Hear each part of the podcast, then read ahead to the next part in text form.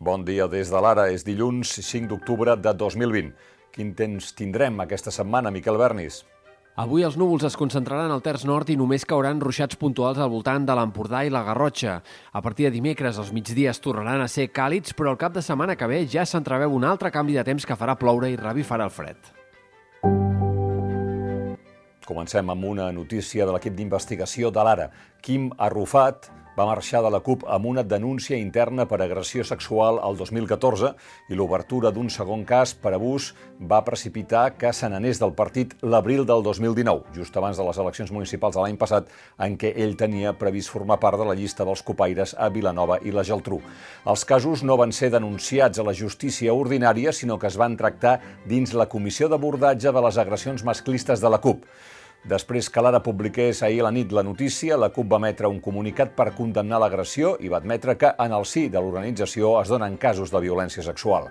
Durant els últims dos mesos, Arrufat ha evitat parlar amb l'Ara per donar resposta a les qüestions relacionades amb aquest cas. El partit subratlla que es manté l'anonimat i protecció de la persona agredida per evitar victimitzar-la doblement. Totes les parts consultades han demanat no donar detalls sobre l'agressió denunciada el 2014 ni sobre el segon abús i remarquen que portar el cas a la justícia ordinària continua sent una possibilitat. El 131è president Quim Torra va ser entrevistat ahir a TV3. Torra creu que ni Junts per Catalunya ni Esquerra Republicana han volgut la ruptura. I a l'ara entrevistem aquest matí el conseller Raül Romeva i diu en l'entrevista que estic segur que les pròximes eleccions aniran de més coses que d'independència. Cal fer feina de desactivar la por de moltes persones cap al procés d'independència i cal també un compromís compartit sobre què vol dir superar el 50%. I és que aquesta fita i que aquesta fita doni un nou mandat és el gran objectiu que s'ha marcat Junts per Catalunya, que va tancar el seu congrés ahir. El full de ruta pels pròxims anys de Junts per Catalunya preveu que l'independentisme demani mediació a la Unió Europea si supera la barrera del 50% dels vots. I aquest és Donald Trump, que va sortir un moment de l'hospital on el van ingressar divendres a saludar els seus seguidors. És probable que el donin d'alta avui mateix. De fet, ahir va penjar un vídeo on se'l veu força animat i on va dir això. Ha estat molt interessant, he après molt sobre Covid, he après com si hagués anat a l'escola. Aquesta és l'escola real i ho entenc, ho he captat i és una cosa molt interessant i ja us explicaré més coses. Mentrestant, estimem els Estats Units i el que està passant. Amb això de que estimem el que està passant es refereix a la gent que l'aclamava a la porta de l'hospital. Mentrestant, a Catalunya, avui publiquem un reportatge sobre l'UCI de la Vall d'Hebron. Conclusió, els sanitaris temen una saturació per l'augment d'ingressos de Covid i grip.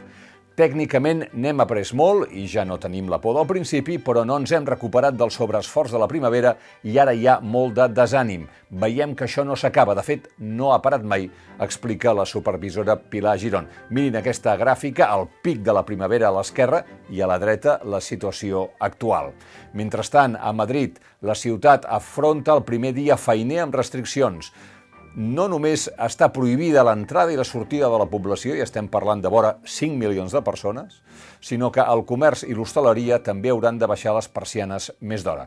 I per cert, us recomanem aquest reportatge de la Paula Clemente eh, sobre obrir empreses quan tothom les tanca. És una bona notícia. De l'abril al juny s'han creat a Catalunya 2.175 negocis nous. Això sí, són la meitat que eh, el mateix període de l'any passat.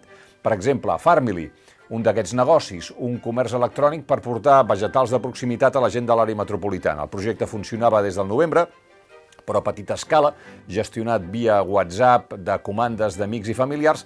A partir del gener, veient que tenien bona resposta, i entre 25 i 30 comandes al dia, l'impulsor Eduard Blanc va decidir muntar-ho millor i ara està entre les 150 i les 200 comandes. El papa Francesc carrega durament contra la ideologia neoliberal i els populismes a la seva tercera encíclica titulada Germans tots. El cap de l'Església Catòlica sosté que la pandèmia ha demostrat que ningú se salva sol i que el mercat sol no ho resol tot, encara que una altra vegada ens vulguin fer creure aquest dogma de fe neoliberal. Adverteix i proposa rehabilitar una sana política que no estigui sotmesa al dictat de les finances. Tenim crònica de la Mònica Bernabé des de Minsk, la capital de Bielorússia. Molts detinguts són a la presó només pel fet d'haver-se manifestat. Per això, les manifestacions que repeteixen cada cap de setmana per exigir que Lukashenko deixi el poder ja es consideren tota una fita, encara que de moment no hagin servit ni per fer dimitir el president ni per fer trontollar el règim. Un cas que posa els pèls de punta, el jutge d'Ontinyent que investiga la violació en grup d'una menor de 14 anys a Ulleria, al País Valencià. Va ordenar ahir l'ingrés a presó, presó provisional, de 4 dels 6 detinguts per l'atac a la menor.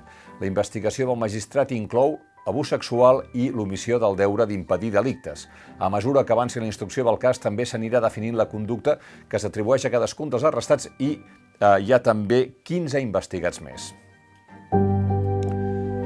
De la secció de cartes a la directora en triem aquesta de l'Edurne Sagasti, que es pregunta com pot ser que en els set mesos que portem de pandèmia no hi hagi hagut cap mena de suport a tota la comunitat de persones sordes i amb diversitat auditiva.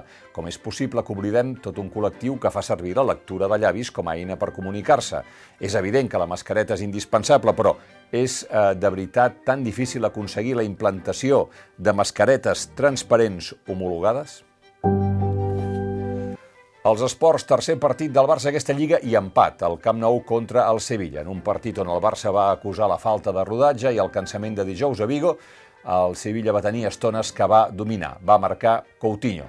L'Espanyol, en canvi, va guanyar per 0-1 a la nova Creu Alta, a Sabadell, amb un gol eh, del jove Nico Melamed. L'Espanyol és líder de segona, invicta i imbatut en quatre jornades. En canvi, el Girona va perdre a casa 0-1 amb el Fuenlabrada. I ahir es va disputar el primer Madrid-Barça femení de futbol. Hi va haver golejada blaugrana. Madrid 0, Barça 4. I acabem en la columna del Sebastià Alzamora, que diu que la pel·lícula La mort de Guillem, del director Carlos Marquès Marcet, no ha decebut cap de les expectatives que havia aixecat. Explica, com ja és prou conegut, la història de l'assassinat del jove antifeixista valencià Guillem Agulló a mans d'un grup de neonazis i el calvari posterior que van viure els seus pares davant la justícia. Doncs bé, la emissió simultània de la pel·lícula a les televisions públiques de Catalunya, les Balears i el País Valencià, TV3, IB3 i A punt, va ser un altre encert, diu l'Alzamora, i les altres, les altes audiències eh, que va obtenir aquesta emissió haurien de marcar una col·laboració entre aquestes cadenes públiques com el bon camí a seguir. Fins aquí les claus del dia. Tornem d'aquí uns minuts amb l'anàlisi de l'actualitat i el cafè de la Lliga, que avui és dilluns.